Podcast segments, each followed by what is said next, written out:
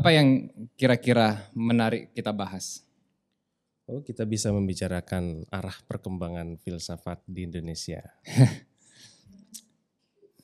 Sebelumnya saya mau ini sebenarnya mau kasih selamat dulu karena udah jadi S3 di bidang filsafat. Dokter ya, S3 itu dokter ya.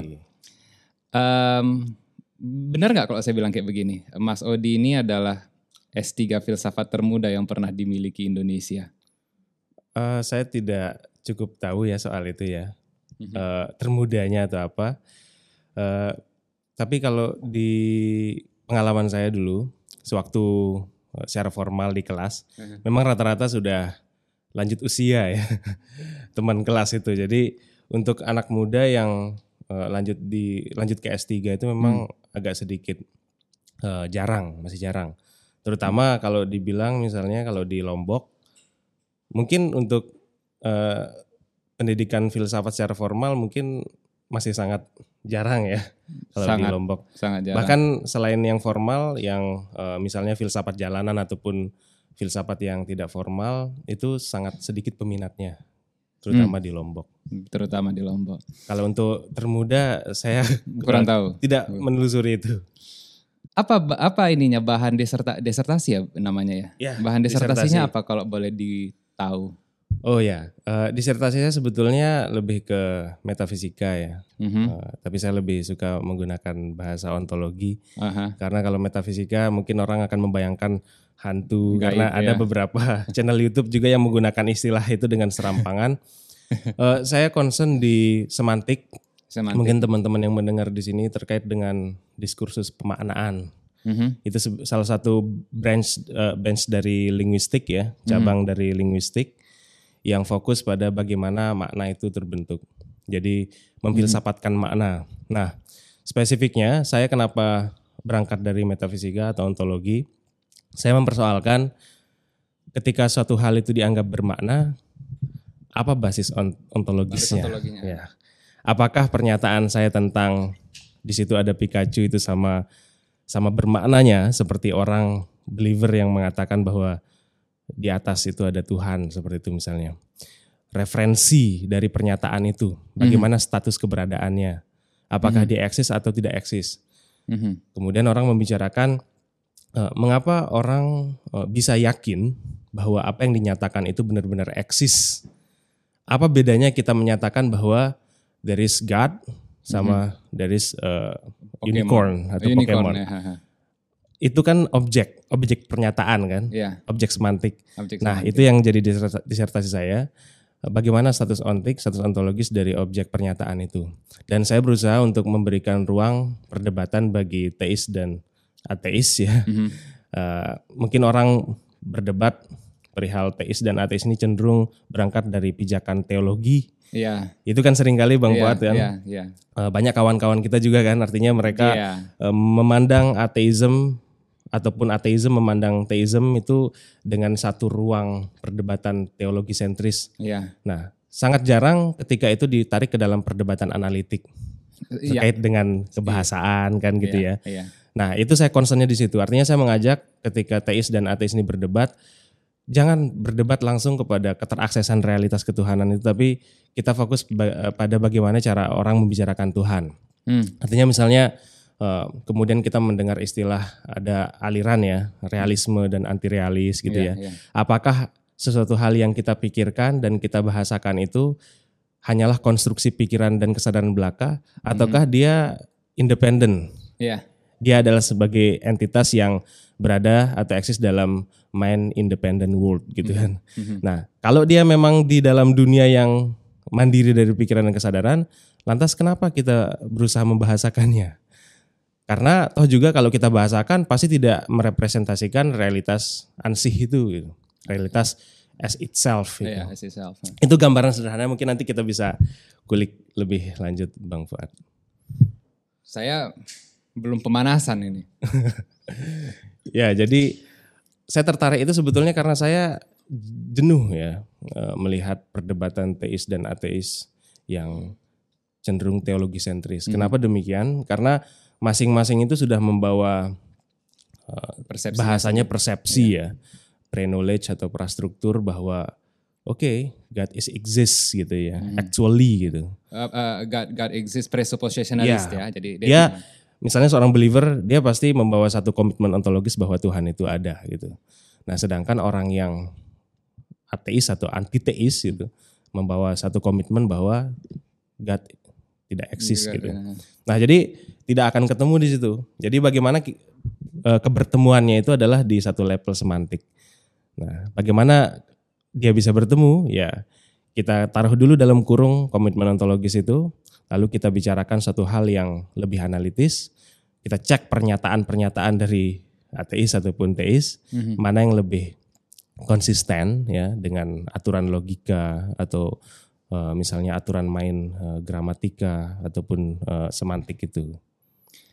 Sebelum ke pertanyaan yang sesuai topik, maksud komitmen ontologi ini apa? komitmen ontologis itu sikap metafisik ya. Jadi sikap kita terhadap satu being, satu keberadaan. Artinya itu domain yang berbeda dengan sikap pengetahuan.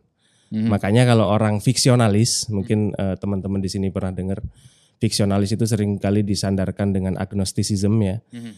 Jadi mereka itu tidak punya komitmen ontologis atas keberadaan Tuhan, yeah. maupun hmm. ketiadaan Tuhan. Yeah. Itu kita bicara di domain ontologis oh, ya. Domain ontologi, ya. Bicara tentang uh, what is being, apa yang hmm. exist gitu. Tapi mereka lompat kepada domain epistemik bahwa mereka membuat sikap epistemik terhadap realitas itu. Nah, kalau kita tanya fiksionalis itu komitmen ontologisnya terhadap unicorn misalnya, mm -hmm. itu kosong. Konten dari objek yang dirujuk itu kosong karena dia tidak punya komitmen terhadap keberadaannya. Yeah. Tetapi dia punya komitmen epistemik terhadap unicorn bahwa dia eksis ya, dia dia sebagai pengetahuan yang hanya terkonstruksi oleh pikiran dan kesadaran kita. Tetapi secara ontik ya, mm-hmm. Bagaimana keberadaan unicorn itu tidak ada sebetulnya gitu, hanya dikonstruksi oleh pikiran gitu. Itu sebetulnya kalau kita lebarkan lagi, misalnya orang uh, ateis komitmen ontologisnya apa ya? Dia komit bahwa Tuhan itu tidak ada. Itu komitmen ontologisnya. Sikap kita terhadap realitas, nah itu.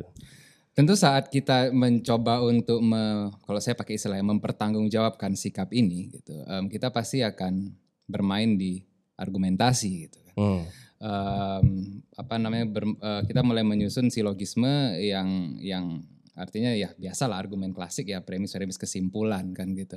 Otomatis untuk kita menganalisa um, sikap-sikap ini kan harus melalui argumen-argumen itu, benar nggak? Hmm, betul. Nah, um, seperti apa argumen yang masuk ditemukan di saat menyusun desertasi ini gitu yang yang um, apa saja argumennya gitu yang yang yang okay. ya semuanya lah gitu. hmm. oke okay, uh, eh, mungkin uh, salah satu ya hmm.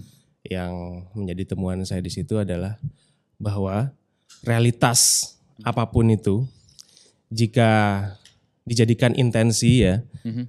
saya pikirkan kita bayangkan ada satu objek yang ter, tersisa di situ ya, yang ketinggalan bahasa sederhananya, yang nggak bisa direpresentasikan oleh pikiran dan kesadaran. Kenapa saya mengatakan demikian? Karena standing position saya sebagai seorang realis, ya. Itu itu dulu kita sepakati ya. Jadi yeah. uh, kalau teman-teman yang menonton ini anti realis, mungkin tidak sepakat dengan saya gitu. Nah, apa yang saya letakkan dalam satu dunia yang main independen itu adalah satu real object. Mm -hmm. ya mhm dulu sempat saya share triple yeah. O grammar man itu real yeah, object yeah. ya. Itu yang kemudian mirip seperti nomenonnya Immanuel hmm. Kant lah. Hmm. Dia tidak bisa kita dekati artinya uh, instrumen uh, epistemik kita, instrumen pengetahuan kita itu tidak bisa menjangkau objek itu. Hmm. Tapi uniknya orang beragama, hmm. dia gatel. Dia gatel. Dia punya satu klaim disebut sebagai pengalaman mistik ya. Kalau misalnya orang orang beragama, coba jelaskan pengalaman mistikmu tidak bisa dijelaskan.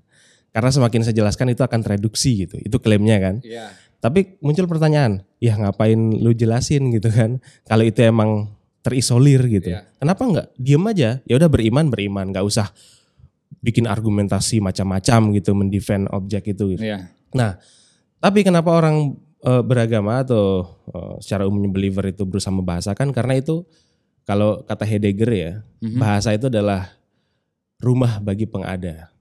Jadi kita itu eksis dalam bahasa sebetulnya. Kita terlempar dalam kesejarahan, kita tidak bisa selain mengambil jalan bahasa itu. Nah sehingga pengalaman mistik yang kalau bagi para sufi ya, mm-hmm. para mistikus itu suatu pengalaman yang sangat-sangat subjektif, tidak bisa ditransfer kepada subjek lain gitu. Mm-hmm. Nah, tapi orang kemudian berusaha untuk membahasakannya. Nah, ketika membahasakannya itu tidak merepresentasikan keseluruhan dari objek itu. Sama okay. sekali tidak gitu ya. Mm.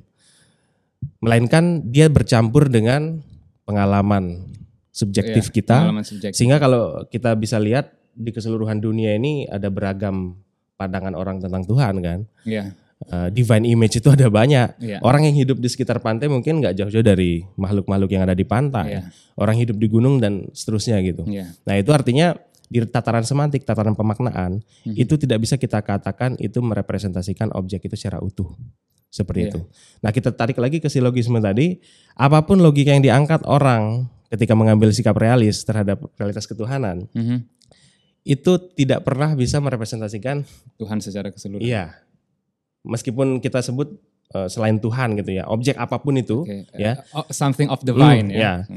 Karena dalam uh, logika pun kan ada perdebatan. Apakah satu logika itu memang natural kind? Iya, iya, iya. Ya. Iya, iya. Uh, logic the law of logic mm -hmm. itu apakah dia natural kind ataukah dia merely mind and uh, consciousness uh, consciousness construct ya. Hmm. Jadi dia terkonstruksi hanyalah uh, benda yang terkonstruksi oleh pikiran oh, kesadaran. Gitu ya, ya, nah, ya. itu perdebatan yang panjang kan di para logician iya, gitu kan. Iya, nah, iya. kalau untuk mendekati disertasi saya memang logika itu pun itu ada dalam tataran semantik. Ya, jadi logika itu dia ini mungkin cenderung psikologisme ya. Ada mm -hmm. beberapa logician yang mengkritisi ya. Mm -hmm. uh, kamu itu kalau pakai logika, ya logika itu pure. Dia harus dibersihkan dari impurity. Impurity itu adalah kesejarahan kita. Nah, sedangkan logika itu dia itu natural kind gitu kan. Nah, sedangkan kalau dalam disertasi saya logika itu masuk dalam suatu upaya membangun pemaknaan, membangun konsep gitu ya, hmm. mendekati realitas. Yeah. Nah, karena realitas itu tidak bisa bicara sendiri, Bang Fuad. Contoh hmm. misalnya, realitas subatomik itu hmm. ketika kita mempersepsi dia, hmm. dia memberikan kita nggak uh, persepsi testimonial tentang dirinya. Iya, misalnya kalau saya mempersepsi Bang Fuad, oh Bang Fuad ini tinggi, pakai uh, baju sawo hitam. matang, misalnya baju yeah. hitam, oh mungkin sukanya uh, di ini, purple, di purple. yeah.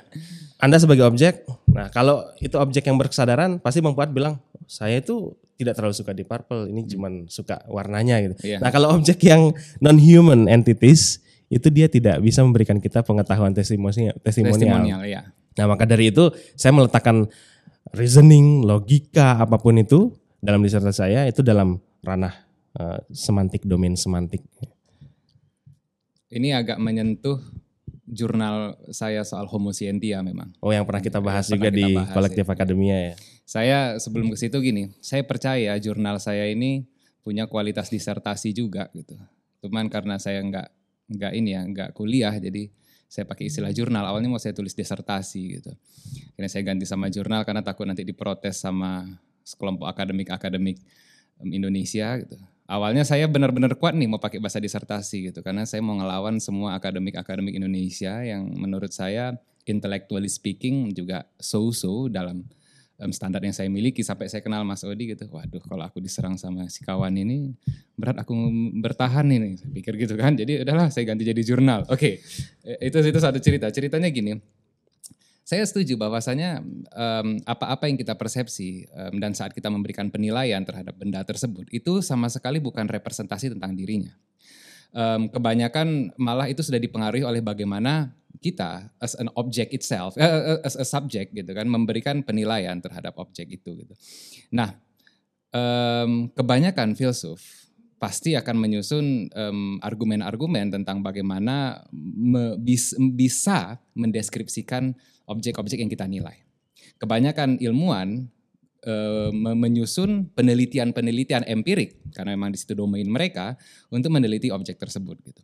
Dua-dua ini bagi saya in the end itu flawed karena memang pada akhirnya ilmuwan tetap menggunakan akalnya begitu juga dengan filsuf.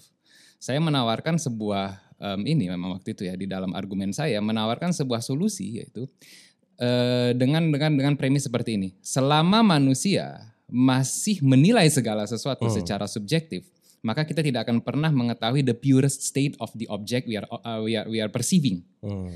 Therefore, makanya saya merasa ya ini agak terkesan gila gitu. Jadi kalau tadi ada yang nggak setuju sama uh, realis, saya seorang realis juga ya. Um, ini mungkin bakalan banyak yang nggak setuju sama saya di sini. Makanya human have to transcend themselves gitu, sehingga oh. dia mempunyai the capability of hmm. knowing, kemampuan untuk mengetahui segala sesuatu tanpa dipengaruhi oleh subjektivitas pemikirannya. Lunatic, yes. Ludicrous, yes. Possible, maybe. Jadi itu um, itu sebagai filsuf adalah um, isu yang benar-benar membuat saya stres juga gitu. Eh, percaya nggak percaya, saya sering nggak bisa tidur memikirkan uh, the pure state of of being kan gitu um, saya pikir gini, ini nggak mungkin kita bisa mengetahuinya dengan segala segala instrumen yang kita miliki gitu. The purest instrumen uh, yang saya rasa kita miliki adalah logis gitu. Bagi saya seperti itu. Dan itu pun tidak tidak tidak bisa melakukan apa namanya mendeskripsikan objek-objek tersebut. Jadi akhirnya ini yang saya tawarkan. Ini kalau begitu ya humannya harus berubah gitu. Hmm. Di, di, eh, di di jurnal kedua saya lagi nyusun ya. Jurnal kedua ini mungkin jurnal kedua tuh rilis duluan sebelum ini. Di jurnal kedua saya menawarkan begini. Bagaimana jika ada benda lain yang bisa kita ciptakan yang mampu mengetahui itu gitu. Apakah benda itu kita ciptakan saja? Hmm. Uh, risikonya pasti ya kita bicara ke arah AI kan ya. Hmm. Risikonya pasti akan ada gitu kita jangan ke AI dulu, cuman ya dan dan risikonya sangat besar seperti yang udah saya jelaskan di jurnal kedua hmm. saya nanti gitu atau jurnal dua yang udah rilis. Ya kira-kira itu itu saya mau ini mau ngeplug aja hmm. bahwasanya hmm. ini pandangan yeah. saya tentang tentang isu itu.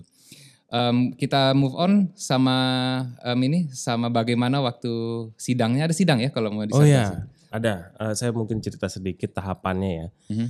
Karena memang kan di dunia uh, formal itu kita berbicara tentang uh, scientific communities ya, scientific hmm. societies. Hmm. Karena ya itu aturan main gitu kan. Saya setuju. Dan ada tahapan-tahapan uh, ujiannya itu kalau tidak salah yang pertama itu kan uh, kompre ya. Kompre itu kalau teman-teman S1 itu ujian proposal skripsi. Ujian proposal. Nah, kayak proposal kita mempropos dulu Aha. apa rancangan penelitian kita. Terus ketika sudah jadi itu seminar hasil, seminar hasil itu kita minta ke audiens untuk membabat temuan kita, okay. dikomentarin tuh yeah. jadi sama teman-teman kan. Nanti dari dari komentar itu jadi bahan revisi. Kemudian preliminary itu ujian semacam uh, tertutup dari para penguji. Lalu ujian kelayakan baru tertutup. Ada lima, mm -hmm. ya mhm. kurang lebih ada lima.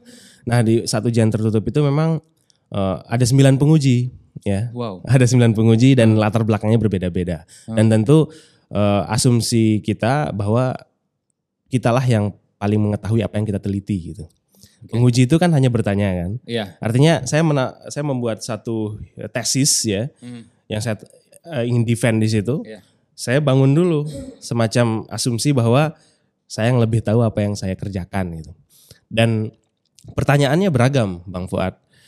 Uh, seperti tadi, saya disclaimer di awal bahwa apa yang saya lakukan ini itu mungkin tidak nyaman bagi teolog gitu ya. Nah sehingga pertanyaan-pertanyaan ada beberapa penguji juga yang bertanya memang sangat teologi sentris gitu ya. Tidak nyambung dengan uh, apa yang saya bawakan gitu. Dan itu memang suatu keberhasilan bagi saya ketika teolog mengerutkan jidat membaca disertasi saya, maka itu satu keberhasilan untuk memantik gitu. Dan saya mendisklaimer dari awal, mendisklaim bahwa apa yang saya temukan itu tidak menjustifikasi kubu teis maupun ateis. Mm -hmm. Kalau kawan kita yang kemarin oh, Mas iya. Gigi kan uh, dia menjustifikasi teis, teis kan iya. jelas banget kan. Mm -hmm. Sehingga saya juga sempat berdebat sama beliau kemarin itu kan yeah, uh. bahwa apa yang beliau lakukan ini sangat teologi sentris dan itu uh, antitesa dari disertasi saya saya hanya membangunkan satu ruang, ruang nongkrong yang asik gitu ya, uh-huh. supaya kalian nggak berantem mulu gitu. Yeah. Jadi lebih lebih lebih keren lah gitu dialognya yeah, yeah, gitu. Yeah. Nah, memang agak bergelut di situ Bang Buat, agak ya jotos-jotosan lah dengan penguji gitu ya. Uh-huh. Dan kembali lagi ya kita saya tidak mau melonggarkan frame yang saya buat. Kadang penguji itu kan dia tidak menguji tapi berusaha untuk menghegemoni pikiran kita kan. Menghegemoni. Misalnya gini, Bang Fuad misalnya saya uji kan, mm-hmm. oh presentasi satu jam. Terus saya mau komentar gini, saya mengomentar sebetulnya ingin menggiring pikirannya Bang Fuad sesuai dengan apa yang saya mau. Oh iya iya. iya. Nah, nah, penguji itu khasnya seperti itu kalau di dunia akademik. Oh. Nah, jadi penguji itu kadang dia menerapkan apa yang disebut sebagai hermeneutical injustice. Ya, hmm. jadi itu masuk epistemic injustice. Jadi dia itu berusaha menguji, menanya, tapi dengan satu bangunan yang dia pengen kita menyesuaikan dengan kerangka pikir dia. Dia. Okay. Sehingga nanti kita ngerevisi, revisian kita itu nanti sesuai, sesuai dengan, pikiran dia, berarti nggak otentik lagi dong oh, gitu iya. kan. Nah, itu itu yang saya temukan pada saat ujian gitu kan. Dan ketika penguji yang memang punya satu kebijaksanaan pasti dia akan terima kalau apa ya, mahasiswa yang dia uji itu mendefend karyanya gitu kan. Mm -hmm. Nah, itu. Uh, dan yang ini mungkin kita kaitkan dengan perkembangan filsafat di Indonesia ya. ya. Yang menjadi kendala itu kalau menurut Bang Fuad apa? Kalau saya ya, hmm. uh, mungkin saya duluan satu kata aja, baper. Oke. Okay. Nah itu, itu yang orang Indonesia nggak bisa pisahkan. Mana ranah dia berdebat, mana ranah dia musyawarah, itu kan. Sama kayak debat pilpres kemarin kan, itu kan cenderung musyawarah kan. Ketika misalnya ada perdebatan di situ nanti baperan, dianggap serang personal gitu kan. Nah dalam dunia filsafat di Indonesia memang yang menjadi the most challenging itu adalah mhm. baperan itu. Ya. Artinya ketika misalnya filsuf di luar itu berdebat itu bisa maki-makian, bisa benar-benar merontok mendiskredit semua pemikiran temannya gitu kan. Kalau nggak sepakat ya bilang aja pemikiranmu jelek gitu misalnya kan. Tapi hmm. kalau di Indonesia itu nggak bisa. Iya, nah, itu. itu menjadi tantangan terbesar. Padahal kultur filsafat itu dari era Yunani kuno, prasokratik, era Helenis, yang setelahnya era-era sofis itu, itu dibentuk oleh satu dialog yang dialektis gitu. Mm -hmm. Artinya tidak ada kemudian kamu ini kok Noah, nah bahasa orang Lombok itu yeah, kan yeah. kurang ajar. Kamu ini yeah. kan baru S1 gitu. Kok hmm. bisa mendebat saya yang profesor gitu kan. nah itu nggak ada jaminan sebetulnya kalau di dunia filsafat. Mau orang yang tidak pernah kuliah uh, secara formal pun itu bisa merontokkan argumentasi dari seorang profesor gitu kan. -hmm. Itu sih. Jadi menariknya di situ, Bang. Kalau Bang Fuad gimana? Yang paling menjadi tantangan?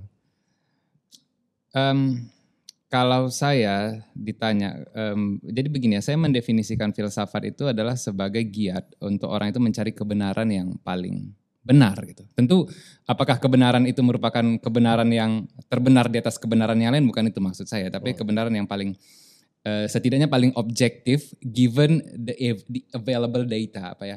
Kebenaran yang paling objektif sesuai dengan data-data yang ada gitu ya.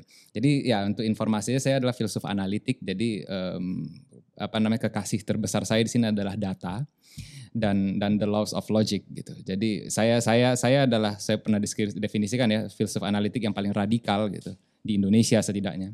Jadi jadi oke okay, kembali ya um, definisi saya soal itu ya. Nah um, menurut saya um, kenapa filsafat ini uh, koreksi saya kalau saya salah me, me, me, me, apa namanya apa me, merangkum pertanyaannya ya. Kenapa filsafat apa apa isu yang filsafat paling penting adalah di Indonesia kita harus bisa berpikir jauh lebih jernih dan mulai mempertanyakan kebenaran-kebenaran yang diberikan oleh lingkungan kepada kita gitu. Um, seperti apa kebenaran-kebenaran yang yang diberikan lingkungan menurut saya ada tiga isu yang secara spesifik, secara spesifik ini artinya memang saya pribadi menyukainya, yang memang harus benar-benar kita pertanyakan lagi. Yang pertama jelas yang berkaitan dengan keimanan. Kita harus mempertanyakan, bukan bukan artinya untuk me, me, apa ya, mempersekusi atau mengapain iman, tapi mempertanyakan gitu. Um, sejauh mana keimanan ini mempunyai um, truth value gitu. Yang pertama. Dan yang kedua, pemahaman tentang kultur yaitu budaya budaya kita gitu. Seperti apa sebenarnya budaya Indonesia ini? Bagaimana budaya Indonesia ini terbentuk? Di mana perpisahan antara budaya klasik dan budaya modern dan apa signifikansi budaya lama sehingga dia harus dipertahankan? Uh -huh. Dan dan dan dari mana budaya A bisa mendapatkan budaya B misalnya? Um, contoh nih kayak budaya um, uh, apa namanya kisah budaya Putri Mandalika gitu kan. Itu mempunyai kemiripan dengan kisah Siti Nurbaya di Padang.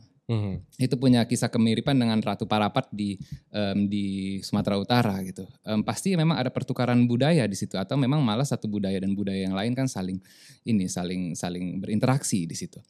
Um, ini adalah isu yang menurut saya harus dipelajari, di, di, diketahui oleh banyak orang, terutama di Indonesia, bahwasanya memang kita mengambil satu dan yang lain, tidak ada yang eksklusif, tidak ada yang isolated, itu itu itu ya. Dan yang terakhir tentang sejarah. Kenapa saya pikirkan tentang sejarah itu penting? Karena Apakah cerita yang diceritakan oleh orang-orang di lingkungan kita ini tentang sejarah Indonesia maupun sejarah Nusantara, Nusantara adalah representasi yang yang paling benar tentang kejadian-kejadian yang terjadi? Komentar saya terbesar tentang sejarah Nusantara adalah saya melihat memang Indonesia sentris yang sangat luar biasa di dalam penceritaan-penceritaan sejarah dan saya ngerasa, sedikit aja saya ngerasa ya. Sepertinya sejarah di Indonesia diceritakan dengan hasil yang sudah ditentukan in mind.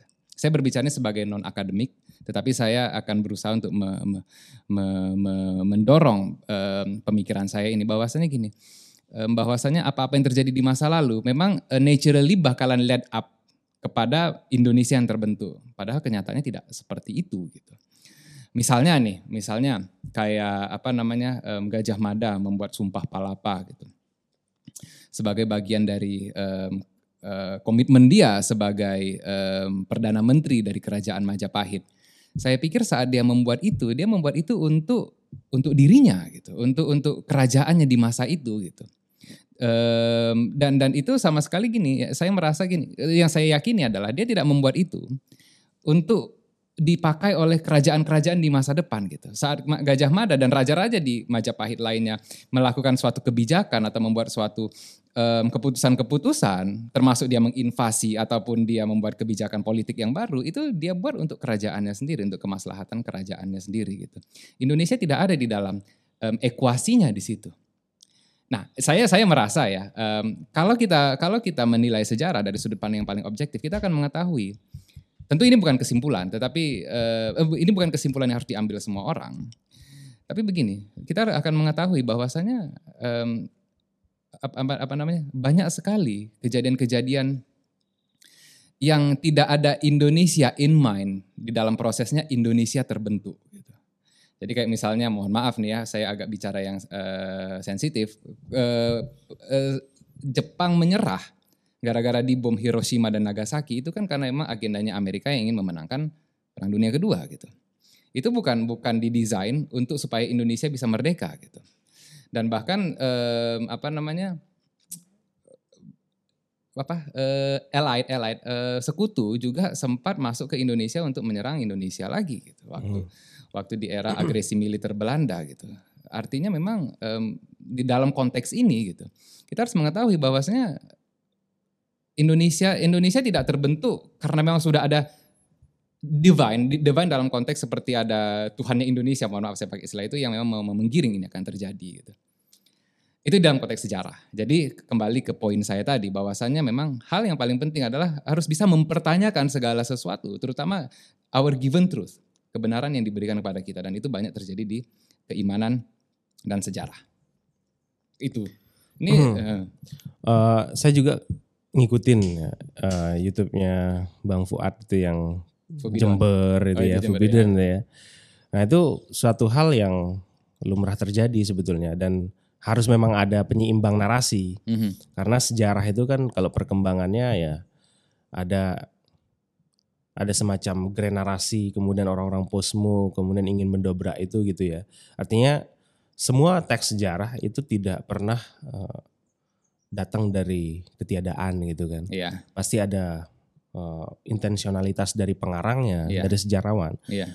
Tidak pernah ada sejarawan kemudian yang kemudian uh, terlepas dari prastruktur pemahamannya.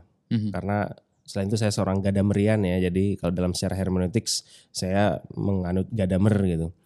Dan automatically itu Heidegger juga bahwa oh, iya. apa pun yang kita bicarakan itu tidak pernah kita seperti satu entitas yang seperti gelas kosong. Iya, iya. Kita tercebur dalam sejarah, kita dibentuk oleh pendidikan, kita dibentuk oleh sejarah sekitar kita ya. Mm-hmm. Dan itu yang mengguna yang kita gunakan untuk membaca sejarah. Mm-hmm. Nah, itu kemudian pertanyaannya, apakah kita memang bisa mendekati sejarah secara objektif gitu? Itu hmm. pertanyaannya kan. Yeah. Kenapa demikian? Karena kita tidak uh, bisa mensinkronasikan pengetahuan kita secara uh, verifikasionis ya. Iya. Karena kita ada di uh, jalan waktu yang berbeda gitu iya. kan.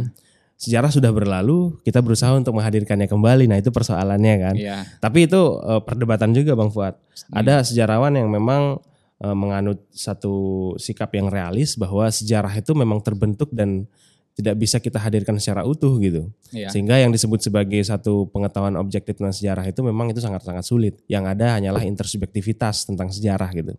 Hmm. Tapi memang menarik itu apa yang Bang Fuad lakukan itu sebagai satu penyeimbang narasi. Karena boleh jadi yang apa yang kita anggap sebagai sopan santun, ya mohon maaf misalnya di Lombok, di Jawa, itu kan kita masih satu root kultur kan. Yeah. Sunda, Jawa, Bali, Lombok itu kan. Contohnya cara kita bertata kerama lah, hmm. nggih tabe gitu. Ke tabe hmm. kan datang dari uh, Sulawesi, Sulawesi kan, ya. ya. ya itu mirip-mirip lah, sopan santun itu khasnya itu mirip gitu. Nah pertanyaannya jangan-jangan itu terbentuk oleh kolonialisme gitu. Itu menjadi pertanyaan terbesarnya. Karena kalau kita buka kajian postkolonial ya, detik pertama penjajah itu datang ke Nusantara dulu sebelum ada Indonesia ya, pra Indonesia itu, itu sampai sekarang sampai detik ini itu sudah namanya era postkolonial. Karena kita masih uh, terekspos ya. Kita masih kena oleh pengaruh dari penjajahan itu gitu. Nah sehingga uh, rule sosial itu saya agak meragukan kalau ada yang mengatakan bahwa ini yang adiluhung ini yang seterusnya. Sejak kapan? Pertanyaannya yeah. kan? Sejak dulu ini memang kebiasaan kami ini seperti ini. Sejak kapan nggak bisa jawab kan misalnya kan jangan-jangan itu pengaruh dari invasi dari Karangasem ke Lombok misalnya yeah. atau itu pengaruh dari ketika ada uh, gelar bangsawan dan seterusnya mm-hmm. jangan-jangan itu memang produksi feodalisme dari uh, Eropa gitu yeah. yang membentuk bahwa ada kelas-kelas semacam itu gitu nah itu mungkin yang menarik untuk kita uh, telusuri untuk membongkar uh, selubung ideologis itu gitu mm-hmm. jangan-jangan orang menganggap ini benar seperti tadi cerita Mandalika cerita Selaparang. Yeah. konon katanya di Lombok ini ada kerajaan Selaparang, Langku, Pejanggi. Pertanyaannya mana peninggalannya misalnya yeah. kan? Uh, ada sih sebetulnya Bang Fuad uh, salah satu mungkin sekarang udah profesor ya di Unram. Mm-hmm. Itu dia pernah presentasi di Ceko atau di Swiss gitu ya. Mm-hmm. Temuan disertasinya tentang sejarah Lombok. Jadi beliau uh, agak ragu-ragu mempublishnya karena pasti akan diserang ya karena salah satu hipotesa yang dia angkat di situ ya dan berhasil berhasil dibuktikan bahwa di Lombok ini itu tidak ada sistem kerajaan sebetulnya seperti di Bali, Jawa. ya Bali terutama. Kita prinsipnya itu sistem kedatuan. Ya jadi datu-datu itu semacam raja-raja kecil gitu ya. Sehingga ada datu Praya ada datu uh, Bleke dan seterusnya itu gitu. Nah sehingga kita tidak sama konsep monarkinya seperti Majapahit seperti ini. Nah itu mungkin uh, bisa kita pertanyakan ulang gitu. Uh, ada tadi yang belum saya uh, apa apa namanya saya mesti melakukan disclaimer juga ya. Ini post disclaimer. Tadi saya ada bilang gini, saya mau menyerang sekitar 20 menit yang lalu saya mau menyerang akademik-akademik Indonesia itu itu hanya bercanda loh ya. Jadi kalau kalian ada yang para akademik, tolong ketahui bahwasanya saya ngomong uh, gaya saya ngomong ya, terutama kalau di media sosial itu memang gini, make big claim first, explain later. Okay. Nah, jadi kebanyakan big claim saya ini pun juga hanya saya sebutkan ini ya, anak sosmed, anak influencer gitu kan. Buat big claim, buat klaim yang besar-besar baru nanti elaborasi, biasalah clickbait hmm. gitu kan. Jadi enggak, saya tidak benar-benar serius ingin menyerang ya itu itu untuk catatan. Oke. Okay. Oke, okay, that being said, begini, um, bicara soal eh tapi saya nggak mau menjadi lari dari fokus cerita ya, tapi gini ya. Seandainya ini tentu bukan pertanyaan untuk eh, Mas Odi spesifik ya, untuk, untuk kita semua ya. Seandainya memang Lombok hanyalah sebuah sekumpulan kedatuan kecil, kenapa rupanya? Kan gitu. Kan gitu. Itu satu ya. Yang kedua gini, toh di tanah saya di Tapanuli Selatan sana pun sistemnya kayak begitu hmm. gitu. Kecil sekali gitu. Kelompok-kelompok kecil desa-desa kecil dia buat kerajaan sendiri. Kita kita sebut sebagai kerajaan itu karena kita mempersepsikannya seperti itu kan gitu. Bahasa kan uh, kan gini ya bahwasanya orang zaman dulu menurut saya, ini menurut saya, orang zaman dulu nggak terlalu peduli nih mau disebut kerajaan atau apa kayak gitu. Yang penting di sana adalah sebuah sistem um, pemerintahan ya mungkin saja dia dipimpin oleh monarki atau memimpin kepala desa gitu kan, dato gitu. eh kenapa rupanya kalau memang tidak ada kerajaan di sini gitu. Saya pikir itu nggak ada nggak ada masalah gitu. Yang penting kan Ya tentu saat saya ngomong kayak gini saya udah mengambil um, kesimpulan, ya, mengambil kesimpulan. Um, yang penting, yang penting kita tahu apa yang terjadi di sini dan dari situ kita bisa menentukan ke depannya kita mau seperti apa gitu. Um, saya nggak tahu ya tentang kebenaran yang paling benar terhadap Lombok ini gitu. Tapi saya pikir memang Lombok sejauh yang saya ketahui memang nggak ada peninggalan kerajaan besarnya. Gitu. Dan saya tidak melihat itu sebagai sebuah keburukan gitu. Hmm. Saya merasa itu keren sekali gitu. Gue ya keren keren banget gitu maksudnya. Kenapa kenapa keren? Karena saya mencintai kebudayaan dan di saat saya mengetahui ada banyak budaya-budaya yang berkembang dengan caranya sendiri. Termasuk Sade misalnya ya desa Sade itu punya orang-orang di selatan Lombok dia punya budaya yang membuat saya rasa dia menjadi sangat unik misalnya. Dan itu dibuat dalam dalam dalam skala mereka hanya sebuah sekumpulan desa-desa gitu. Tidak perlu membentuk sebuah kerajaan gitu. Iya dan dan dan saya rasa ya bisa oke okay, kenapa rupanya gitu dan dan itu sangat luar biasa gitu. Tentu sebagai orang dari ini ya dari dari Sumatera dan orang yang agak sukuis banget gitu, saya tetap mengistimewakan suku saya gitu. Tapi di saat saya melihat suku-suku lain terutama di di Lombok yang saya sering berinteraksi dengan kebiasaan-kebiasaan mereka sendiri gitu. Saya merasakan kesalutan yang luar biasa apalagi mereka bisa mempertahankannya gitu. Jadi ya poin saya tadi adalah ya Tentu saya nggak tahu ya. Pada akhirnya saya nggak tahu tentang kerajaan-kerajaan itu. Itu bahkan termasuk Gunung Samalas yang katanya meletus di tahun 1257. Saya jujur aja sampai sekarang masih skeptik sama kebenarannya gitu.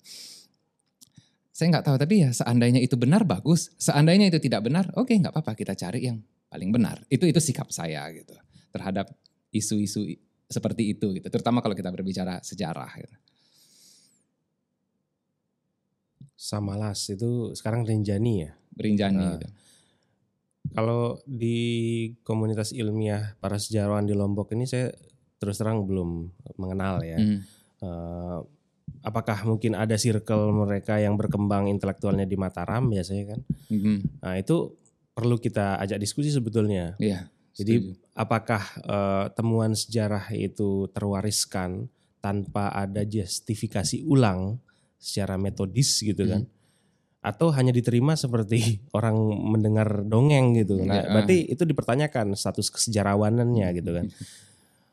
Tapi kalau memang komunitas sejarawan di Lombok ini menyikapi uh, peninggalan sejarah dari sejarawan sebelumnya itu dengan kritis, mm -hmm. dengan cara merejustifikasinya dengan satu perangkat metodologi yang terbaru gitu, itu berarti satu perkembangan yang bagus gitu. Perkembangan yang bagus. Dan ya. saya setuju tadi poin Bang Fuad uh, ketika itu tidak terbukti ya so what gitu kan?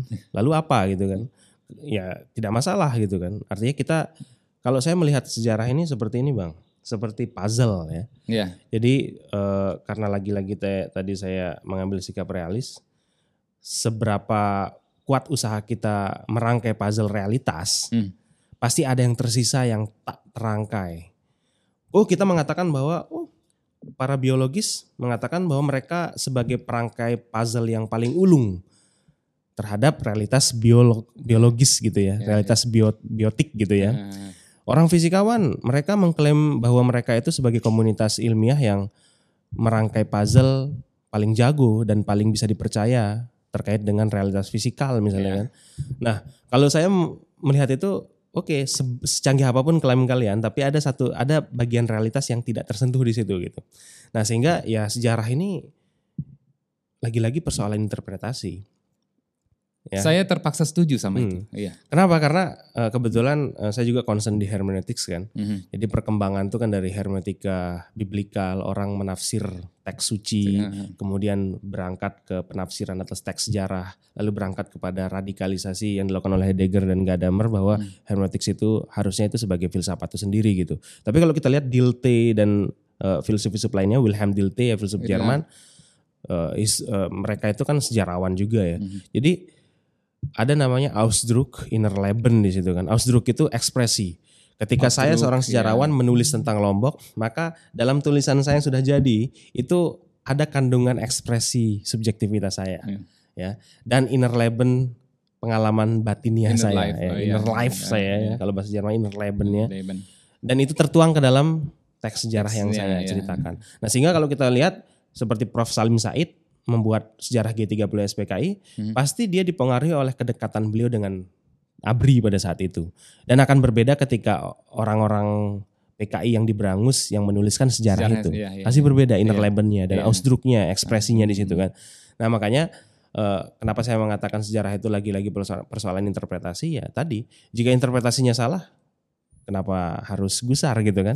ya udah terima aja interpretasi yang ini. Tapi mungkin kalau ini mungkin uh, pendapat saya ya, mungkin bisa kita jadikan bahan diskusi. Tapi di situ uh, saya meminjam salah seorang filsuf ya, hmm. Paul Ricoeur ya, Paul Ricoeur tulisannya, Paul Ricoeur, ya, ya. Uh, filsuf Prancis. Dia mengatakan bahwa lingkaran penafsiran itu selalu terbayang-bayang oleh satu namanya uh, fear of imagination ya, fear of imagination. Jadi ketakutan atas imajinasi hmm. tandingan ketika saya punya bayangan tentang Lombok ini seperti ini gitu kan kemudian ada orang punya bayangan lain punya pemikiran lain saya takut pemikiran saya tergantikan gitu. Nah sehingga orang kemudian selektif tidak memberikan ruang kritis kritik dari luar gitu. Hmm. sehingga apa yang dia yakini sebagai satu sejarah tentang Lombok itu dianggap sebagai yang paling benar gitu. Dan kalau kita tuh sebelum sebelum kemarin ya. Hmm. nah makanya itu saya ini sorry udah masuk ke dalam state of excitement ini. Jadi makanya itu kita harus mengtranscend humanity supaya kita bisa tahu sebenarnya apa yang terjadi tanpa harus ada interpretator yang interpretatif gitu. Oke, okay, uh, solusinya tentu tidak tidak lebih baik daripada daripada apa namanya hasilnya tentu tidak lebih baik daripada solusi yang saya punya. Saya pun benci sama um, mazhab filsafat yang saya punya ini gitu karena dia sangat sangat membenci aksiologi gitu. Makanya saya bilang beginilah ya. Kita kan nggak ada yang bisa membuktikan bahwasanya 10 menit yang lalu kita barusan melakukan podcast gitu. Oke kita bisa membuktikan itu gitu misalnya dengan rekaman kita dengan kamera dan segala macam ada bisa memberikan testimonial para para penonton. Cuman kan um, empiriknya kan nggak ada. itu sendiri adalah sebuah masalah, masalah sejarah menurut saya. Bukan masalah sejarah, masalah masalah pengetahuan the problem of knowledge gitu yang selalu yang saya buat di dalam jurnal filsafat saya gitu yang yang saya merasa gitu um, tidak ada satupun makhluk setidaknya di dalam hasil observasi kita selama ini yang bisa membuktikan di dalam with 100% accuracy gitu bahwasanya kejadian itu pernah terjadi dan saya merasa sebagai orang yang di di di, diperbudak oleh pengetahuannya, saya merasa itu adalah pengetahuan yang penting untuk diketahui gitu.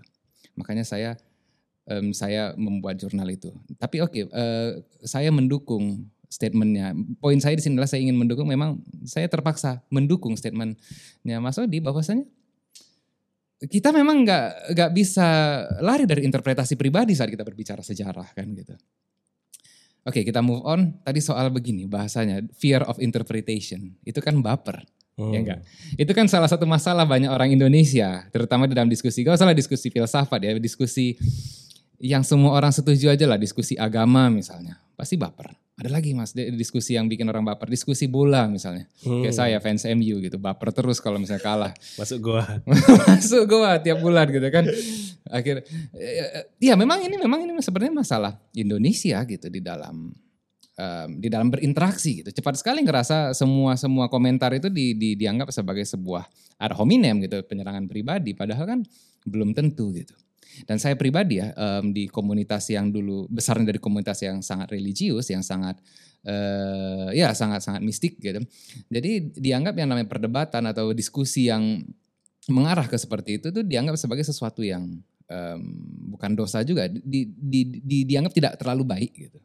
Jadi saya dari kecil udah terbiasa untuk menganggap uh, bahwasanya kalau ada perdebatan itu sesuatu yang uh, apa ya kita bilang ya kalau dalam bahasa teologinya sesuatu yang mudarat gitu loh. Dan saya rasa kebudayaan itu harus diubah di Indonesia ini gitu. Ya kan gitu ya soal hmm. baper hmm. kan gitu. Makanya kita mungkin bisa membicarakan bagaimana perkembangan filsafat di Indonesia ini meng-highlight kebaperan itu gitu. Hmm. Ketika orang mengatakan bahwa argumentasi saya keliru, ya saya tidak boleh baper seharusnya gitu kan. Yeah. Tapi tadi ada fear of imagination, fear of interpretation itu saya menganggap bahwa oke okay, interpretasi saya yang paling benar gitu. Nah itu menjadi permasalahannya. Ketika ada orang yang mengkritisi maka saya menganggap bahwa orang itu tidak boleh mengkritisi saya karena apa yang sudah saya temukan, apa yang saya sudah argumentasikan, saya pikirkan ini benar. Tidak ada ruang bagi orang lain untuk menggantikan kebenaran ini gitu. Iya. Karena lagi-lagi nanti kebenaran itu ya tunggal. Itu kan menjadi fundamentalis nanti. Iya. Bukan hanya di agama fundamentalis itu, tapi di kalangan ilmuwan juga banyak ya, fundamentalis. Benar, benar. Ya, jadi dia menutup kemungkinan kebenaran alternatif gitu kan. Mm -hmm. Dia menganggap bahwa apa yang dia yakini, yang dia uh, klaim sebagai kebenaran itu sudah final gitu kan. Mm -hmm Contohnya kan kalau di dalam teori-teori ilmiah itu banyak sekali revisi kan. Ya. Teori-teori ya. mungkin yang memperdalam uh, perkembangan uh, teori evolusi, perkembangan uh, fisika kuantum dan seterusnya ya. itu kan saling merevisi terus gitu ya, kan. Benar. Dan saya pasti bisa yakin bahwa yang direvisi itu pasti akan baper. Tapi kalau saya melihat kebaperan itu sebetulnya uh, alamiah sih, maksudnya uh, manusiawi. Sangat, ya. Bohong kalau ada orang bilang dirinya tidak pernah takut, hmm. tidak baper gitu ya manusiawi. Hanya ya. saja sampai kapan dia akan uh, membuat apa membiarkan kebaperannya ini berlangsung gitu kan. Ya kalau orang yang sudah uga hari misalnya kalau bahasanya Socrates itu yang sudah bisa uh, menanggapi hidup secara bijak gitu ya hmm. dalam tanda kutip ya. Yeah. Ya dia bisa cut and balance saja, di cut aja itu ininya kebaperannya. Oke, dia sadar diri bahwa oh kritikan itu memang benar gitu dan itu menjadi bahan untuk saya untuk mengkoreksi atau merevisi pemikiran saya gitu. Berarti ini kesimpulan yang coba saya dorong secepat mungkin ya. Berarti sistem pendidikan semenjak dini itu penting untuk mengajarkan orang-orang berinteraksi secara argumentatif. Sehingga di hmm. saat mereka terbiasa melakukan interaksi argumentatif yang poinnya bukan untuk menyerangnya, kita tidak melakukan sophistry atau apa di sini ya. Kita berusaha untuk menggali pemikiran dan dan dan membandingkan pemikiran untuk berdiskusi untuk mengambil keputusan terbaik terutama di dalam kelompok-kelompok yang yang satu dan lainnya saling bergantung kehidupannya gitu. Misalnya kayak misal di dalam rumah tangga atau di dalam dia berinteraksi sama saudaranya misalnya. Dia kan harus berargumen yang di mana kalau dia terlatih, katakanlah di institusi pendidikannya semenjak dini, dia terlatih untuk mengesampingkan perasaannya. Misalnya dua abang adik nih menentukan gitu, mau mau makan di mana gitu. Oh aku mau makan di tempat A tapi dia tempat di situ jauh atau mau di tempat B tapi dekat gitu. Yang satu mau apa? Akhirnya akhir saling berargumentasi untuk untuk memenangkan ininya, untuk memenangkan pendapatnya. Hmm. Tapi siapa pun yang menang tidak ada yang baper gitu kan. Saya rasa itu penting gitu uh, saya setuju di, di, di urgensi dari dari menghilangkan kebaperan ini di dalam di dalam berdialog gitu. Dan sel, selama Indonesia terutama sebenarnya dunia ini masalah dunia, selama dunia masih masih baperan, masih merasa semua counter argumen dari argumen yang dia buat adalah personal attack, um, dialog yang baik memang sangat susah terjadi gitu. Hmm. Saya mau bercerita bercerita soal apa hasil dari debat presiden. Cuman saya nggak mau menjadi terlalu politis di sini nanti jadi nggak menarik. Soalnya sepertinya kebaperan itu terjadi di beberapa debat presiden. Saya nggak bilang yang kapan, tapi saya hmm, juga melihat itu. Saya juga melihat ya kan? kebaperan itu. Jadi saya merasa baper Indonesia itu satu hal gitu. Tapi sebenarnya ada loh, uh, menurut saya ini pengalaman pribadi ya filsafat itu di Indonesia ini sepertinya banyak di disalahartikan gitu. Jadi orang banyak melihat filsafat itu sebagai sekumpulan quote-quote yang indah dari para hmm. orang-orang hmm. bijak di zaman dulu gitu. Yang kebanyakan juga quote-quote itu uh, theologically charged atau malah tidak benar, tidak pernah diucapkan sama orang tersebut. Saya pernah dulu di ini ya, dikritik waktu itu dibilang gini, ya bang yang namanya filsuf kan seharusnya menjadi orang yang jiwanya tenang gitu. Tunggu dulu, saya pikir gini, saya seorang filsuf tapi jiwa saya tak tenang gitu kan. Dan dan saat saya dibilang kayak begitu, hati saya sempat kesel gitu kan. Enak aja kamu mendeskripsikan apa-apa yang aku kerjakan kepada diriku. Itu saya saya kesal gitu. Tapi ya saya memutuskan udahlah gitu. Mau gimana juga orang nggak tahu gitu. Walaupun saya terima apa-apa yang dia bilang, saya merasa um, mengatakan filsuf harus menjadi uh, adalah orang yang jiwa-jiwanya tenang itu adalah sebuah pernyataan yang salah. Itu tidak merepresentasikan uh, filsuf secara umum, secara secara seharusnya. Dan dan jika jika pemahaman seperti itu adalah adalah pemahaman yang umum diadopsi oleh semua orang di Indonesia, maka itu adalah pemahaman yang salah tentang filsuf. Gini, uh, semua orang harus jiwanya tenang, pasti itu itu itu kebaikan gitu, morally speaking. Tapi saya rasa bukan itu yang membuat seorang filsuf menjadi menjadi filsuf gitu. Kalau kita mengatakan seorang filsuf jiwanya harus yang tenang, bagi saya sama kayak mengatakan um, pemain sepak bola itu harus pandai nyetak gol. Itu adalah pernyataan yang salah gitu. Karena pemain sepak bola tidak semuanya kebutuhannya untuk mencetak gol. pemain bertahan kan ya harus bandi bertahan dan lain sebagainya gitu. Saya rasa itu kita perlu membangun sebuah pemahaman, kesimpulan saya perlu membangun sebuah pemahaman yang nasional tentang bahwasanya filsafat itu adalah tentang mempertanyakan segala sesuatu, mengevaluasi segala sesuatu gitu. Atau des, definisi apa pun yang pasti yang uh, sorry saya jadi jadi tidak konsisten. Saya konsisten balik nih. Harus bisa apa sorry filsafat adalah tentang bagaimana kita mempertanyakan segala sesuatu gitu. menjadi lebih kritis menjadi lebih rasional gitu kalau itu menjadi sebuah um, kesepakatan Indonesia yang yang yang ke Indonesiaan saya rasa filsafatnya bukan Indonesianya filsafatnya akan berjalan dengan dengan dengan pesat gitu di Indonesia ini gitu itu pandangan saya gitu mm. uh, saya agak mirip juga ya pandangannya sebetulnya terkait dengan perkembangan filsafat ya. Mm-hmm. Tadi kita banyak bicara soal kebaperan dan mm-hmm. seterusnya karena kita hidup di era postkolonial, ada di feudalisme, ya. ada feudalisme yang menghantui gitu ya. Artinya seorang pemuda itu tidak boleh membantah atau meruntuhkan argumentasi orang tua gitu atau misalnya di lingkungan institusi pendidikan gitu ya. Nah, kalau kita lihat tadi ya tidak semuanya juga itu fungsinya mencetak gol, benar juga mm-hmm. ya. Kalau ada kritikan kok Bang Fuad menjadi filsuf malah tidak tenang gitu yeah. ya atau kita pernah dulu diskusi kan kayak hmm. filsafat malah membuat saya tidak tenang gitu yeah. ya. Nah itu sebetulnya uh, kita kalau bicara filsafat itu kan seperti belantara hutan kan. Yeah. Artinya banyak saya setuju banyak orang yang mengatakan bahwa filsafat itu hanya kata-kata mutiara indah gitu ya motivasional gitu ya kayak kayak Mario Teguh gitu kayak pokoknya yang menghibur menghibur gitu yeah, kan yeah. dikatakan bijak dan seterusnya coba sesekali tengok filsuf-filsuf absurdis, nihilis gitu kan. Hmm, hmm. Maka dia akan melihat serba gelap dan seterusnya yeah. gitu. Dan kalau kita lihat keberadaan mereka itu tidak bukan tidak ada gunanya ya. Filsuf-filsuf eksistensialis itu sangat membantu kita untuk mempertanyaan ulang mm -hmm. hidup kita selama ini gitu yeah. kan. Yeah. Makanya kan kalau kata Socrates itu hidup yang tidak baik, hidup yang baik itu adalah hidup yang bisa kita periksa, bisa kita cek, yeah. bisa kita nilai gitu yeah. kan.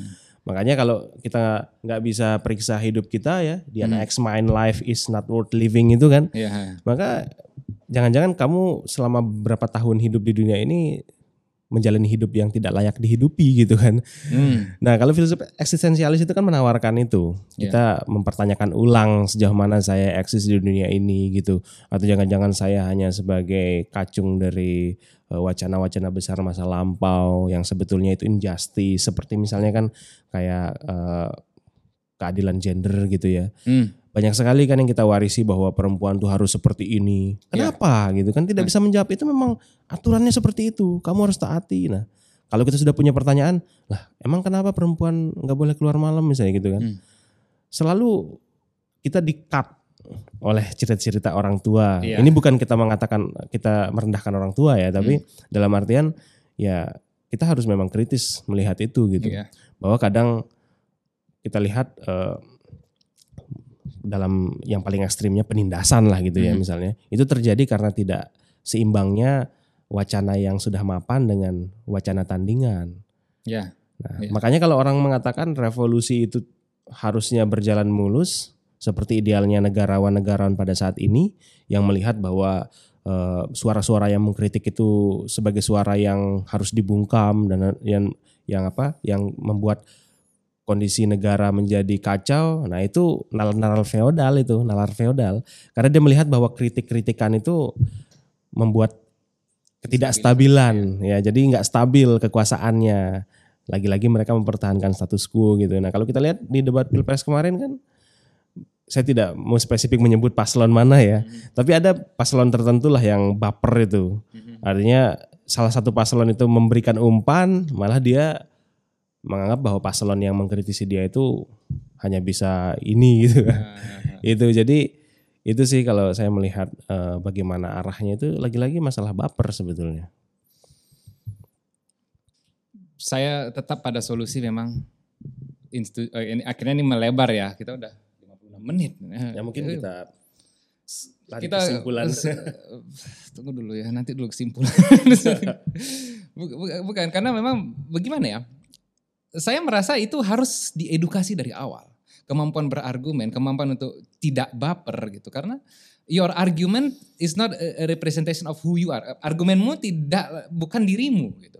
Argumen adalah argumenmu adalah apa-apa yang kamu percayai, yang kamu rasa harus kamu dorong di masa itu gitu.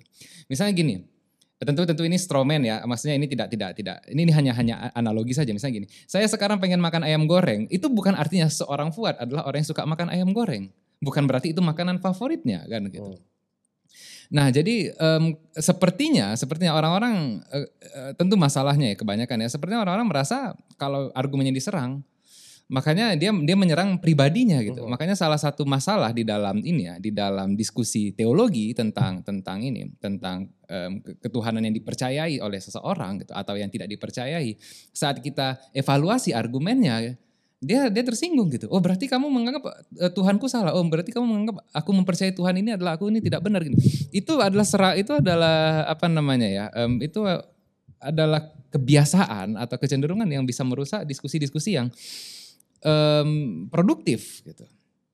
Dan itu harus di dididik orang-orang di dunia di Indonesia ini harus dididik untuk tidak seperti itu gitu. Susah sekali untuk untuk ini ya untuk eh, terutama kalau kita misalnya saya orang tua saya ini orang tua baby boomers banget ya. Jadi bukan bukan bukan artinya saya menganggap mereka salah atau apa enggak, cuman seperti itu. Ini kebanyakan ininya, kebanyakan responnya kalau kita kalau kita berargumen atau apalagi kita melakukan counter argumen gitu kan. Iya, jadi makanya untuk saya melatih ulang me, me, apa namanya memisahkan antara perasaan saya dan argumen saya itu adalah proses yang lama. Gitu. Yang seandainya itu udah bisa saya lakukan dari semenjak kecil gitu, mungkin saya bisa menjadi manusia yang lebih produktif sekarang gitu. Apakah saya menyesali ini? Tentu tidak. Tapi seandainya kita, tapi jika kita bisa membangun generasi yang lebih lebih analitik in the sense dari kecil sudah kita latih berargumennya, kita akan membangun generasi yang lebih baik. Indonesia menginginkan uh, masa keemasan. Ganti sistem edukasinya gitu. Apa, uh, perkaya, uh, sempurnakan sistem edukasinya. Itu itu itu saya. Kita kita belum ada nih hal yang kita saling tidak setuju. Kebanyakan kita sangat menyetujui satu sama lain gitu. Apa apa kira-kira yang seorang Mas Odi tidak setuju sama saya? apa argumen kita bicara. Hmm. Ini kita kita kita pisahkan nih diskusinya untuk yang terakhir nih ya. Oke. Okay. Apa apa yang oh, kira-kira? ini mengomentari ya. Uh -huh. uh, tentang ketidaksepahaman, ketidaksepakatan gitu ya. Hmm. Ya sejauh ini saya melihat ada beberapa poin sih sebetulnya. Hmm. Nah salah satunya mungkin uh, kayaknya Bang Fuad lebih cenderung dekonstruksionis ya. Dekonstruksionis. Ya, saya kebayang. Nah pertanyaan saya, setelah mendekonstruksi itu Bang Fuad uh, cenderung ke arah mana? Memberikan hmm. ruang untuk rekonstruksi atau membiarkan saja yang hmm. sudah didekonstruksi. Nah, ini uh, mungkin bisa mengkorek saya kalau saya salah ya. Uh, selama ini mungkin jangan-jangan Bang Fuad ingin mendekonstruksi lalu sudah hmm. dilepas begitu saja gitu kan? Karena kalau direkonstruksi ulang, jangan-jangan nanti malah membuat satu tatanan struktur yang mapan dan itu kontraproduktif dengan ideal Bang Fuad ingin mengkritisi, membongkar. Seperti tadi misalnya contohnya, mengkritisi tentang bagaimana sopan santun dalam dunia pendidikan. Uh, Kita tidak boleh mengkritisi dan seterusnya itu gitu kan. Kalau kita memaksakan jangan-jangan itu sangat-sangat western centris gitu kan. Iya, itu ya. Uh, itu itu ya, ya, ya. Pertanyaannya apa kabar dengan hazanah ketimuran. Hmm. Kadang kita juga menjadi injustice nanti kalau kita memaksakan orang timur ini untuk benar-benar individualis, benar-benar gemar berdebat, padahal kita itu sukanya gotong royong, gotong mufakat, royong. apalagi kita ke Jawa. Mohon maaf ini yeah. Iya. uh, bukan mendiskredit orang Jawa ya. Hmm. Perdebatan itu sangat-sangat dihindari kalau di Jawa. Yeah. Yeah. Ya. Jadi mereka cenderung menang menghindar gitu. Mm -hmm. Jadi beda dengan orang Batak, orang Lombok, apalagi yeah, orang yeah, Batak misalnya yeah, yeah. kenapa banyak pengacara dari situ misalnya kan karena senang berdebat debat terbuka yeah. gitu kan kalau nggak suka ya maksudnya nggak sepakat langsung utarakan hmm. jangan diem-dieman gitu kan nah tapi itu sudah terbentuk ratusan tahun bang Wan. Yeah. bukankah itu sulit kalau misalnya kita menghendaki semua orang di Indonesia ini analitik semua gitu kan. Padahal kalau kita paksa mistikus itu analitik, gimana ceritanya itu iya, misalnya yeah, kalau kita paksa mereka untuk analitik. Sedangkan analitik ini mohon maaf sih uh, lebih cenderung dia memang ateistik gitu. Iya. Karena mirip dengan posmu ya. Karena kalau kita lihat kalau Posmo memang beda cara kerjanya, tapi ya. idealnya itu memang mereka menolak uh, grand narasi kalau Posmo kan. Ya, ya, tapi ya. kalau analitik mereka tidak suka dengan ketidakdisiplinan dalam berbahasa, ya, ya. mengkonstruksi makna, ya. ketidaklogisan gitu kan. Sedangkan orang beragama kan bermain dengan hal-hal yang tidak rasional, ya. irasional, yang uh, tidak logis dan seterusnya gitu. Nah itu sih mungkin komentar saya itu sekaligus menjadi tantangan uh, Bang Fuad sih artinya bagaimana mempromot analitik studies gitu ya, analitik uh, thinking di Indonesia ini memang kita butuh kehati-hatian mungkin dalam tanda kutip kalau menurut saya. Kehati-hatian ini bukan dalam arti kita takut ya, tapi hmm. strategi sih sebetulnya. Itu sih. Di, di sini kita memang beda ya. Yang pertama, saya terima um, komentarnya Mas Odi tentang apa-apa yang saya pikirkan ya. Saya terima sekali dan saya juga akan mengatakan begini, mungkin di sini adalah perbedaan yang kita ya. Jadi um, dan saya saya bergerak dari kekecewaan. Jadi saya punya background yang yang yang uh, apa istilahnya yang yang memang uh, ya gimana ya dulu orang yang ultra religius gitu kan di dalam konteks mistisisme ajaran agama tertentu sampai menjadi seorang filsuf analitik seperti ini kan adalah sebab uh, pergeseran yang sangat radikal gitu. Um, bagi saya pergeseran yang sangat radikal um, kebanyakan pasti didorong oleh kejadian-kejadian seperti traumatik dan dan yang seperti itu kan gitu. Jadi itu pasti sedikit banyaknya membentuk. Saya saya suka sekali memakai istilahnya Bang Bernard ya. Uh, itu membentuk apa kebanyakan pemahaman doktrin-doktrin filsafat yang saya miliki terbentuk oleh bagaimana kepribadian saya uh, goes along dengan kepribadian saya itu bagaimana um, dalam perjalanannya gitu. Bahkan saya saya ya saya mikir juga iya saya saya hanya lebih tertarik mendekonstruksi orang. Jangan ini jangan-jangan nih saya nih ya, jangan-jangan begini. Di saat saya sudah mendekonstruksi semua orang, nggak saya pintarkan mereka gitu. Saya nanti menjadi satu-satunya orang paling pintar di antara semua orang yang sudah saya dekonstruksi dan saya menjadi raja baru di situ. Akhirnya saya menjadi tiran itu sendiri gitu. Hmm. Semua perjuangan saya untuk menghapus tirani, apa pun bahasanya, sistem-sistem um, ke kenegaraan yang dibentuk, Tiba-tiba saat itu saya hapus, saya nggak memintarkan orang-orang gitu. Dan saya melihat itu juga di dalam bagaimana saya menulis jurnal saya gitu. Um, saya punya kecenderungan memang untuk memandang ya begini kan ini sudah udah menjadi peringatan besar nih saat saya mengatakan saya tidak menyukai filsafat moral gitu. Saya merasa moralitas itu sebagai sebuah penghambat di dalam progres untuk mencari pengetahuan gitu. Bagaimana jika nanti saat semua orang sudah saya dekonstruksi pemahamannya sehingga dia tidak mempunyai modal apa pun untuk mendefinisikan realita bahkan mendefinisikan identitasnya gitu. Saya menggunakan mereka sebagai human fuel untuk mendorong teknologi yang tidak ada hubungannya dengan kemaslahatan manusia gitu. Saya setuju sama ini. Saya setuju sama um, apa namanya um, komentar saya tidak saya belum melihat itu sebagai sebuah kritikan gitu tapi tapi itu adalah komentar yang yang benar gitu kalau Bernard memang dia fokus di filsafat psikologi, psikologi ya, ya beliau kalau situ. itu memang moncer lah ya. gitu. kalau mau diskusi sama Bernard tentang Freud tentang hmm. psikoanalisa ya hmm. karena memang uh, kita sudah bagi-bagi kalau di CA hmm. hmm. kita bagi-bagi di situ gitu sama ini juga uh, ini untuk kita semua sih sebetulnya hmm. ya uh, tentang fasisme intelektual. Untuk saya itu bukan untuk semua. fasisme intelektual ya. ya, ya, ya. Kadang saya juga uh, kalau saya lebih cenderung kembali ke high, uh, ke kardinal virtusnya Greek, ancient Greek ya, Yunani kuno. Yang salah satunya itu adalah soprosun itu. Saya nggak pernah dengar Soprosun. Ya, yang pertama kan ada Soprosun, Ugahari ya. Ugahari. Yang kedua ada Andrea keberanian, ada Sofia kebijaksanaan, kebijaksanaan. sama ada Dikayosun itu keadilan, oh. justice gitu. Nah, Soprosun ini itu Ugahari. Bahasa lebih sederhananya itu kita tahu batasan diri gitu. Oh, ya. Artinya kita bisa examine ourselves gitu ya. Seperti kata Socrates gitu. Yang dituliskan oleh Platon, oleh Plato gitu. Jadi uh, ya fasisme itu pasti benihnya itu di mana-mana ada gitu hmm. kan. Hmm. Tapi yang saya baca tadi ya Fuad juga takut kalau nanti menjadi satu menara gading yang memberangus, mendekonstruksi semuanya, tapi malah orang lain menjadi tidak tercerahkan gitu yeah. kan misalnya. Nah itu suatu hal yang mungkin perlu kita sadari sebagai hal yang patut untuk dihindari gitu. Lagi-lagi ini normatif sekali ya.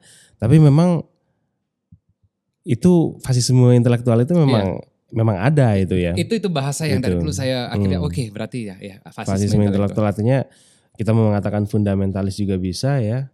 Jadi kita itu misalnya ingin meluluhlantahkan pikiran orang gitu kan. Hmm. Tapi kita menggunakan rule rule dari framework kita ya. Itu injustice juga itu gitu kan. Jadi ketika misalnya Bang Fuad ingin menilai um, para ultra konservatif sebagai orang yang sama sekali kosong gitu kan. Tapi dengan ukuran framework analitik yang kita punya itu pasti nggak match gitu karena sudah beda ruang dia gitu kan. Nah, bagaimana caranya kita mempelajari atau memahami satu kelompok sebagaimana mereka memahami diri mereka sendiri gitu. Hmm. Nah, kalau kita nyebut bermain realis kan sebetulnya realitas sosial ini itu tidak tidak sebagai hal yang natural sebetulnya. Ya, hmm. kalau kita pakai realisme kritisnya Baskar misalnya kan. Hmm. Yang independen dari pikiran kesadaran itu sebetulnya bukan realitas sosial. Realitas, realitas sosial itu sebetulnya itu menjadi buah dari pikiran dan kesadaran kita, ya. Dia tidak given. Tidak given. Kenapa ada orang Lombok pola sosial yang seperti ini beda dengan orang Sunda itu nggak given. Itu, ya. Jangan dibilang itu karena alam yang melahirkan itu gitu, mm-hmm. karena itu berproses yeah. gitu kan, mm. karena kebudayaan itu gitu. Yeah. Nah makanya kalau bisa dibilang tadi ya fasisme intelektual itu sih mm. itu ketakutan yang perlu kita sadari gitu. Kenapa saya tadi nanya setelah mendekonstruksi mau ngapain lagi gitu kan? Iya, itu itu pertanyaan yang butuh saya dengar itu memang jujur aja gitu. Um, begini, saya merasa uh, Mas Odi ini akan menjadi salah satu harus malah harus menjadi salah satu sosok filsuf besar di Indonesia gitu. Dan dan ini bukan untuk memuji apa-apa yang Mas Odi buat karena saya belum melihat ada orang lain di dalam dunia filsafat dan dan di dunia intelektual Indonesia yang yang naik karena karena kemampuan filosofisnya gitu. Saya merasa itu adalah sebuah kewajiban morally speaking gitu. Saya sendiri, saya akan dengan cara saya sendiri akan naik sebagai salah satu sosok filsafat yang populer di dunia ini itu ke itu ambisi saya gitu. Dan saya akan naik dengan pemahaman-pemahaman yang udah saya adopsi sekarang gitu. Kritikan Mas Odi sama saya gitu, saya terima itu sebagai um, bagian dari mungkin bukan kelemahan tetapi bahaya terbesar dari dari uh, mazhab filsafat yang saya anut gitu. Ya saya setuju. Saya adalah uh, uh, fasis intelektual gitu dan dan saya belum tertarik untuk merubah pemahaman saya itu gitu. Ini warning maksudnya ya kalau kita nanti di puncak uh, puncak popularitas dan puncak relevansi di Indonesia nanti kalau kita bertemu di panggung seperti ini tapi levelnya nasional gitu, saya harus dikalahkan gitu. Karena kalau enggak saya akan menjadi manusia berkumis versi kedua yang datang dari Indonesia dan saya mengetahui itu gitu. Tentu saya tidak akan membuat perang dalam dalam bentuk literal seperti terjadi tahun 40-an sana. Tapi jika um, orang kayak saya ini saat naiknya nanti tidak merubah pemahaman filsafat saya gitu. Benar akan terjadi peruntuhan dekonstruksi massal tanpa ada rekonstruksinya bisa jadi ya itu tadi saya membentuk mengenara gading saya yang baru gitu. Hmm. In in in a sense um, ultimate goal yang saya pakai adalah knowledge gitu. Saya saya beberapa kali kan mengatakan hal paling penting di dunia ini adalah knowledge in relation of human intellect ya, bukan hal paling penting di dunia, itu hal yang berbeda gitu. Dan karena um, satu-satunya yang punya intelektual dan kesadaran terhadap intelektualnya hanyalah manusia, maka saya seolah-olah mengatakan um, manusia itu punya um, im, apa nah divine imperatif gitu untuk me, dengan segala cara mendorong level pengetahuannya gitu. Saya saya saya saya saya tahu pemahaman saya ini problematik banget dan saya memahami background background tragis saya di masa lalu yang mendorong saya mempunyai pemahaman ini. Seperti sebagaimana Adolf Hitler um, kemudian dikenang sebagai peringatan gitu. Mungkin itulah peranan saya nanti di 100 tahun ke depan atau nggak tahu kapan gitu. Dan itu adalah role yang saya akan tertarik untuk mengambilnya gitu. In that sense gitu. Ini kesimpulan yang mau saya buat gitu. Ada nggak kesimpulan yang mau masuk dikasih sebelum kita tutup karena udah satu jam 14 menit. Oke, okay, uh, eh, berpikir sistematis itu penting. Itu sih ya, sebetulnya. Itu kita hal yang sama-sama ya, setuju ya. ya.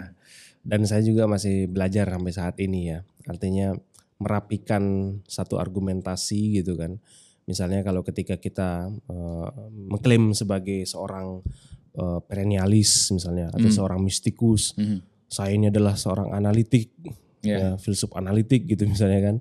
Saya orang uh, kontinental gitu. Yeah. Apa yang membuat kita bisa menunjukkan kepada lawan bicara atau kepada siapa pun itu bahwa kita benar-benar analitik gitu kan. Hmm. Nah, itu yang sebetulnya kadang sering kali uh, di luar sana klaim-klaim misalnya saya adalah uh, orang-orang orientalis gitu misalnya kan. Padahal dia malah konservatif misalnya. Saya orang progresif malah dia konservatif gitu. Saya analitik malah dia kontinental gitu kan.